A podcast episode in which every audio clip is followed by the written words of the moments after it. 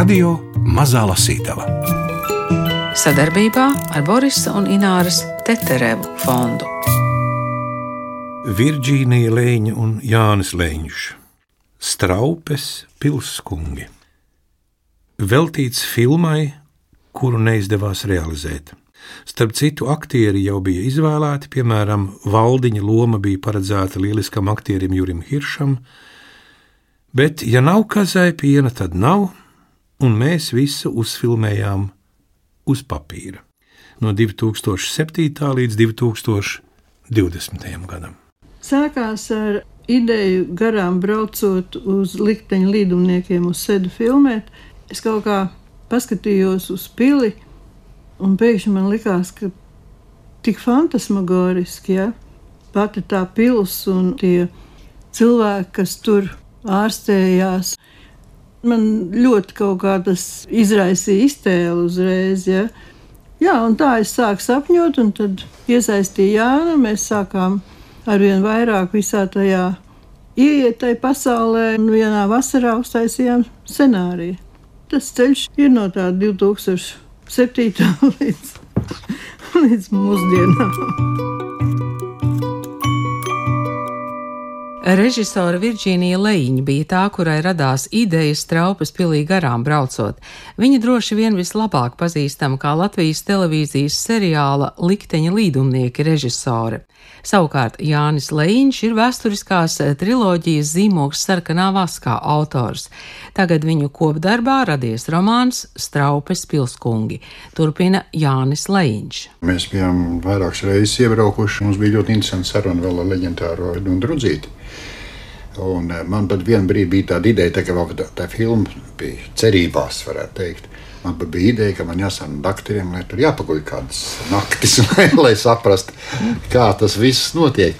Bet tad tas pamazām tā kā norīja, un tā kā bija runa par filmu, tad detaļas jau palika režisora aktieru ziņā. Viss tas ir, kā saka, scenārijs ir skelets. Un, Nu, tā kā pie grāmatas ķērās, jau vairs nelikās tās detaļas arī tik, nu, tieši tur alkoholiķis un kā tur viss. Tas, tas nelikās tik svarīgi. Svarīgākais tas vēstījums, ko mēs tur visā ielikām iekšā. Mēs aizbraucam tajā dienā, pēdējo reizi, kad vācās ārā slimnīca. Mums izvadīja pa telpām, apstiem telpas, un tad jau bija jau viss jau, nu, cauri. Nu, tad ķērāmies par rakstīšanu un tā romāns Straupes pilskungi ir uzrakstīts un izdots. Tā galvenais varonis ir valdiņš, puisis ar zelta rokām, ģitāru un alkohola kāri. Viņa apņemšanās doties uz īriju beidzas Straupes narkoloģiskajā slimnīcā, bet varbūt tur tikai sākas. Lasa Gundars Āboliņš. Vasarā pēc 8. klases Valdiņš pieteicās darbā kolhoza mehāniskajā darbnīcā. Tolaik bērnu tiesības vēl nebija modē, un zēnam ļāva darboties.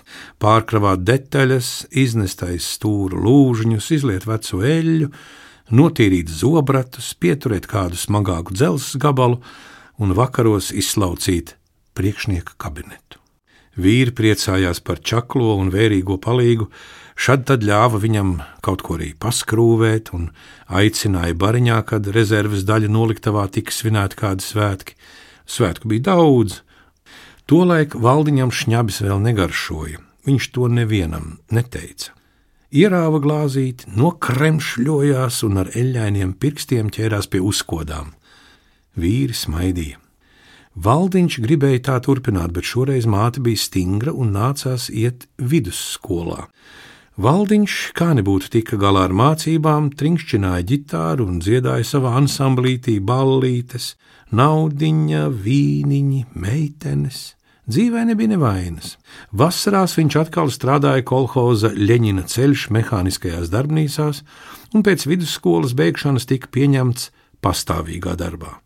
Tad viņš tur jau bija kļuvis par savējo un mācīja tikt galā ar krietni sarežģītiem uzdevumiem. Šķiet, valdiņš reizēm redzēja metālam cauri un gandrīz vienmēr spēja atrast pareizo vainu.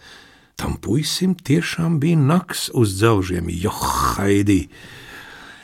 Padomju armijā valdiņu iesauca pavasarī, līdz ko viņam palika 18 gadi, un nosūtīja uz Kaļiņgradas apgabalu.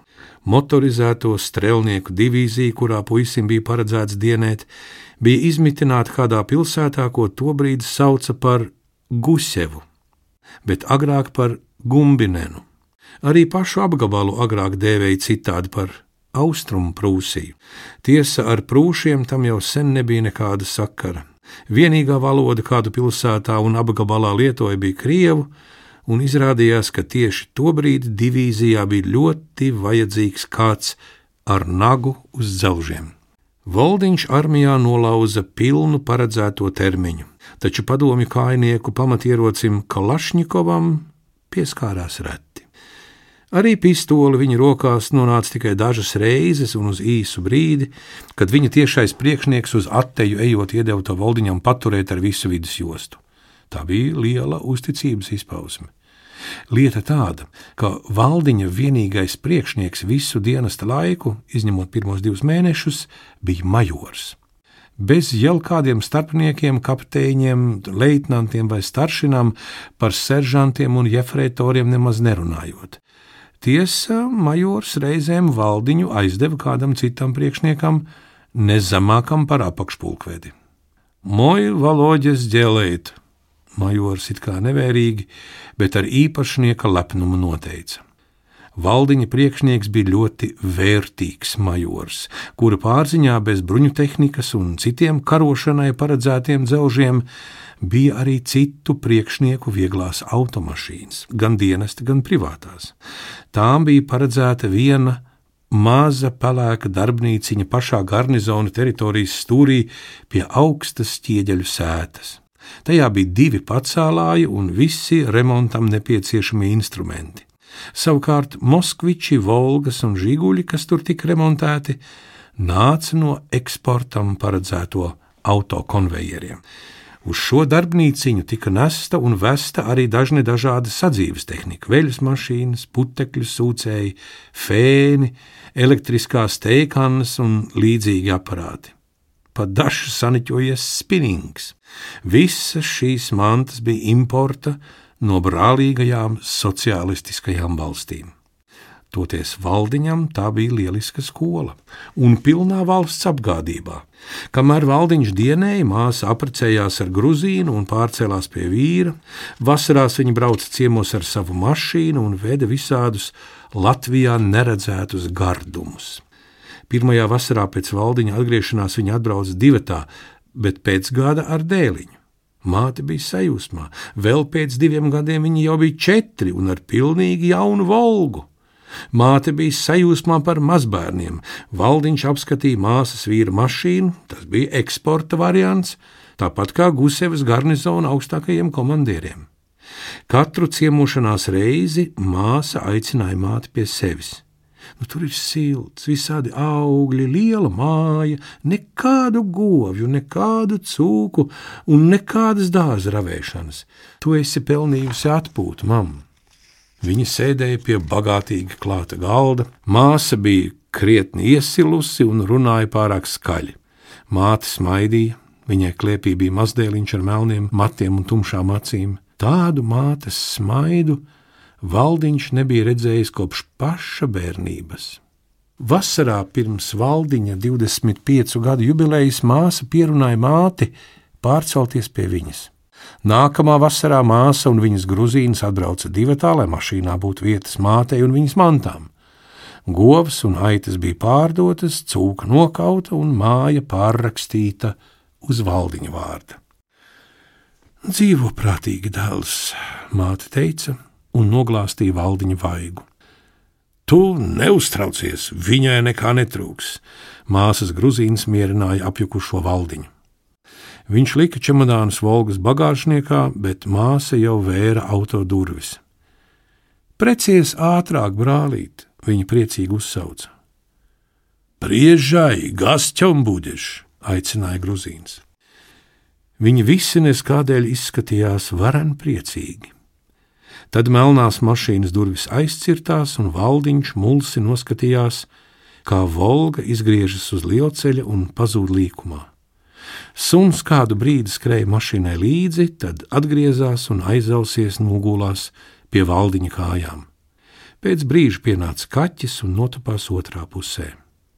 Līdz perestroikai valdiņa dzīve kolhozā Ļeņina ceļš ritēja vienkārši un paredzami. Kā visiem, kuriem jau vajadzēja dzīvot komunismā. No katra pēc spējām, katram pēc vajadzībām. Spēju valdiņam izrādījās vairāk nekā kolēģiem mehāniskajā darbnīcā, bet vajadzības tikpat ikdienišķas - vienkārši strādāt, vienkārši pasēdēt ar glāzi, eļļainajos pirkstos, palamāt priekšnieku un pastāstīt citiem, cik gudri pats būtu rīkojies viņa vietā. No algas dienas līdz algas dienai un vēl kādu veiksmīgu haltūru pa vidu, un vēl valdiņam bija mazais kolhoza estrādes ansamblis, kurā viņš bija solists un ļoti ļoti patika meitenēm. Un zelta rokas.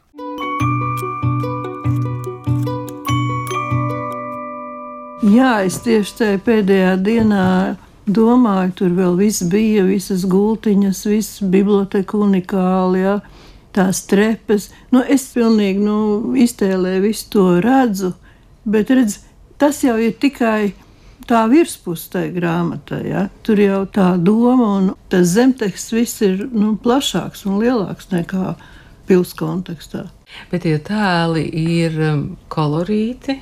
To tēlu ir daudz, un uh, brīžiem pat šķiet, ka varbūt nevar izsekot visiem tēliem. Ja tie būtu aktieri filmā, tad noteikti viss būtu skaidrs. Bet vienu brīdi bija tāds sajūta, ka sāk iesaistīties ar vien vairāk. Tā jau arī tur ir. Tā jau arī ir. Tā, tā. tā arī bija formula ielikta. Tā arī bija paredzēts, ka nu, tā kā sniega pika viens tur iesākt to, to kustību, un kad pievienojas, pievienojas, pievienojas. Tad mums filmas skats pēdējais bija vispār masu skats. Nē, bet principā mēs nobeidzām tāpat. Tur tāpat tikai ir nu, tas viss. Bez masu skatiem. Nē, nu, tur tā visa doma, jo man tā liekas, ka viņa šodien ir ārkārtīgi būtiska. Ir kaut kā tā pasaule izveidojusies tāda, ka mēs visu laiku no kāda kaut ko gaidām. Un kamēr mēs gaidām, tikmēr arī nekas nemainīsies. Vismaz tā virzienā, kādu mēs paši gribētu, lai kaut kas notiek. Ja? Vienu brīdi sagurušajam valdiņam šķita, ka viņš iekūlies kādā dīvainā sapnī. Pils stūlīt izgaisīs, un viņš pamodīsies uz kolhoza Ļeņina ceļš, estrādes nomelnējušā soliņa. Tās runas bija tik pazīstamas, runātāji tik nožēlojami, ka valdiņam kļuva skumji, un viņš klusītēm devās prom. Neviens nemanīja ne viņa atnākšanu, ne aiziešanu. Savā nebeidzamajā ceļojumā pa dažādo kāpņu līkločiem un telpu labirintiem Valdiņš ieskatījās kādā lielā palātā, kur gultas divās rindās stāvēja līdz pat logam. Daļa gultu bija tukšas, bet citās ar visām drēbēm, Gulšņāja vai sēdēja vīri. Saules stari ieslīpi ielauzušies pelēkajā telpā radīja dīvainu nerealitātes sajūtu. Tāpat, starp citu, kā viss pārējais šajā neparastajā slimnīcā. Iepaļais loks, dekoratīvie izcīļņi pie griestiem, sena krāsainu podiņu krāsnes un dzelzs gultas ar tajās sastingušiem cilvēkiem izskatījās kā muzejs ar dzīviem eksponātiem. Reiz Solvita viņu bija aizvilkusi uz muzeju, kur bija izstādīti vēsturiski tērpi. Skats bija apmēram tāds pats. Valdiņam pat sagribējās pieiet klāt un paskatīties, varbūt arī te katram ir piestiprināta birka ar eksponāta numuru un nosaukumu. Ejas vidū stāvēja viens kārns eksponāts bez diviem priekšzobiem un centās par kaut ko pārliecināt absolūti vienaldzīgos palātas biedrus. Ieraudzījis valdiņu priekā, ka kāds beidzot viņam ir pievērsis uzmanību, vīrelis sāka virzīties uz durvju pusi. Valdiņš šausmās metās prom. Johaidī, viņš nodomāja, kur es esmu nokļuvis. Redzēdams, ka pakaļ neviens nedzenas, valdiņš gurdi apsēdās uz sola kādā nišā un saprata, ko nu vairs. Sveiks, Ivar! Pēkšņi virs pleca atskanēja šļupstoša un priecīga balss. Valdiņš sabijies uzliec kājās. Sen neesam redzējušies, kā tev ietī var? Kārnais vīriņš priecīgi vāvuļoja un stiep rokas veicienam. Es neesmu Ivars, Valdiņš mulsi taisnojās. Ko muldi, neatceries veco žāni? Vīrielis brīnījās un sirsnīgi purināja Valdiņa neviļus pastiepto roku. Valdiņš to atbrīvoja un pagriezās prom iešanai, taču kārnais atķēra viņa piedurkni. Lepns esi palicis, domā, ka esi labāks par mums citiem? Žānis skaļi prasīja, un kā palīdzību meklējams, atskatījās pāri plecam. Valdiņš izrāva piedurkni no uzmācīgā vīra pirkstiem un devās prom. Žānis sekoja. No viņš jutās nopietni aizskarts un gribēja visiem ceļā sastaptajiem pavēstīt par kādu, kurš no sevis iedomājies nez ko un pagriezis pārējiem muguru. Valdiņš gāja arvien ātrāk, taču aizvainotais vīrs sekoja soli solī un neapklusa ne mirkli. Valdiņš meklēja glābiņu kāpnēs, tās bija šauras koka kāpnes, kas acu augstumā pazuda asā līkumā. Viņš attiedzās tikai tad, kad deguns pašā pagrieziena punktā gandrīz iedūrās zaļa triko krekla apspīlētajā vēderā. Resnais vīrs slāja lejup, krampjaini turēdamies pie kāpņu lentera. Valdiņš sagrīļojās un arī ieķērās lenterī un lēnām kāpās atpakaļ. Žānis aiz muguras beidzot bija pazudis. Valdiņš palaida garām resno vīru un mirkli ieskatījās tam acīs. Tas bija grūtsirdīgas, kā novembra vakars.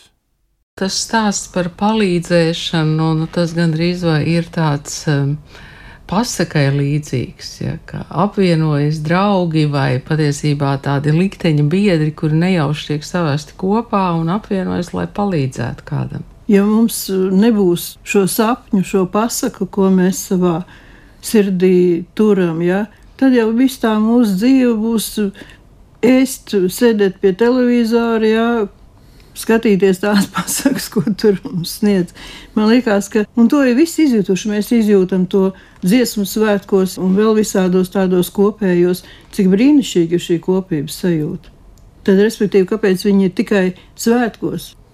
Ikdienā man liekas, viņi ir vēl vairāk vajadzīgi. Nu jā, un pāri, kas dabonas, vai ne, un uh, laimīgas uh, dzīves sākums, varētu būt filmai tāds mazliet holivudisks beigas. Tā kā Jānis teica, mēs centāmies nekādu rādītāju pirkstu neatstāt, ja? bet ar ko beidzās? Ar to, ka tā mašīna braukā pa visiem ceļiem un visur ir priekšā. Nebeidzās ar, ar pāri, kas dabonās. Tur jau viss tā sāls ir. Tad, kad bija jau grāmata, jau bija kaut kur pie beigām, un pirms kāda gada laikam es rādio dzirdēju, ka kaut kur atrasts kādā stāvlaukumā 28 konteineri nezināmas izcelsmes ķīmiskā vielā. 7. gadā es gāju konsultēties ar vidas aizstāvjiem, un viss kādas varētu būt tās vielas, veselas ķīmiskas formulas sarakstīju. Es domāju, nu, bet šodien jau vairs tā nav. Ir izrādās, viss, not, viss turpinās. Tos cilvēkus jūs tēlus noskatījāt dzīvē? Nu, kaut kādu jau tipāžu, nu, Rudzīts mums apmēram izstāstīja, kādi ir tie iedzērāji, jo tur jau tādi vairāk tomēr inteliģenti cilvēki ir ārstējušies. Ja? Kādi tie pēc uzbūves, nervu sistēmas tā tālāk, mēs it kā pie tā centāmies tie pieci. Tāds nosacītā dalījums ir pieci alkohola tipi, un patiesībā ir, nu, to pamatu apmēram mēs arī paņēmām. Un sievietes.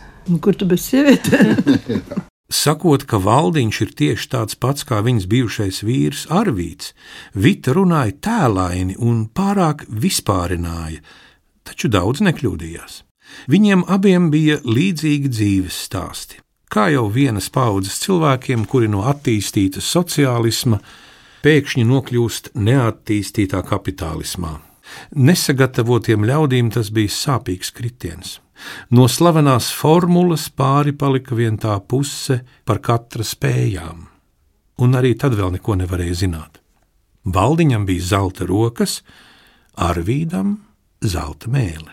Kā mēdz teikt, viņš spēja muldēt par deviņiem mēmiem un savus krāšņos iztēles stāstus lielākoties bagātināja ar rakstiem no veciem žurnāliem, kas vienmēr stāvēja viņa mājas toaletē.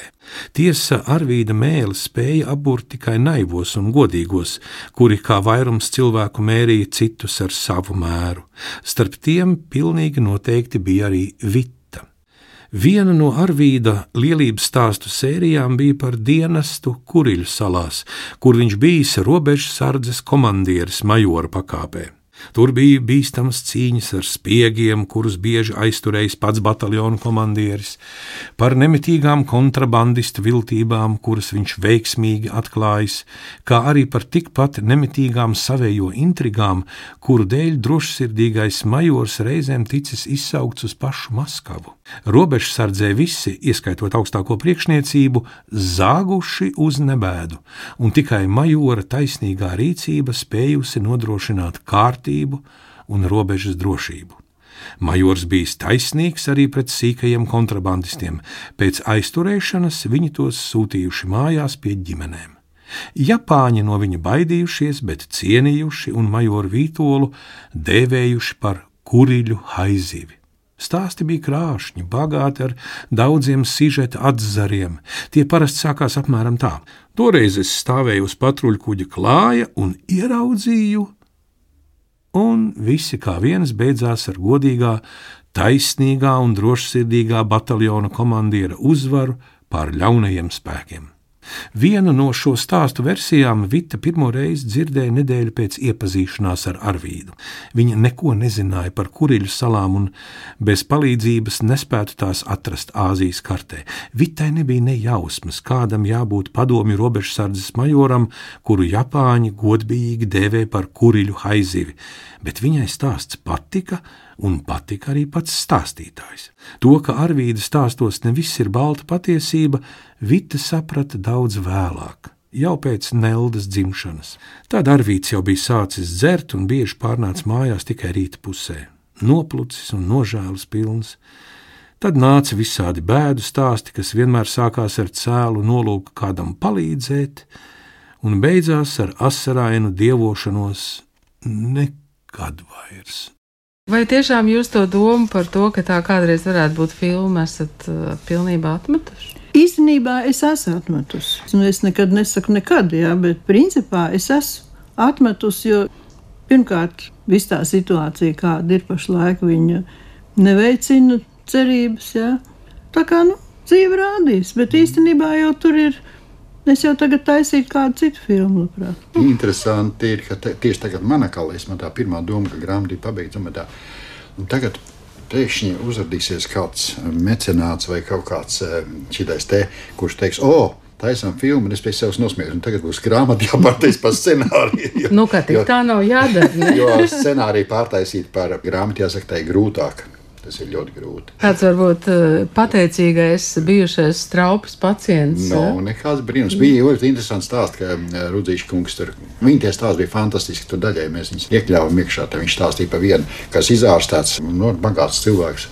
Viņš katru gadu brauc līdz Ziemassvētkiem, vairākām valstīm apelsīnas vedis. Vēl tur visādi ir labdari, kas ir pateicīgi par to, ka izārstēts. Straupes pils celta kā Rīgas arhibīskapa vasaļa pils un kopš 13. gadsimta otrās puses ar dažu desmitu gadu pārtraukumiem piederējusi baronu von Rozena dzimtai līdz pat 1939. gadam.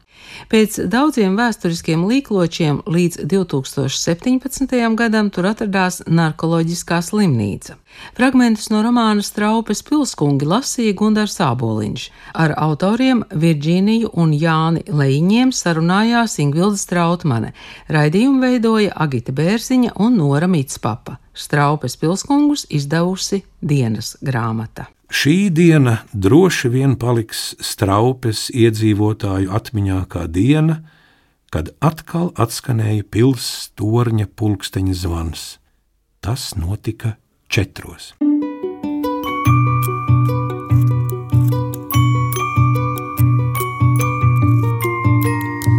Radio Mazā Lasītava sadarbībā ar Borisa un Ināras Teterevu fondu.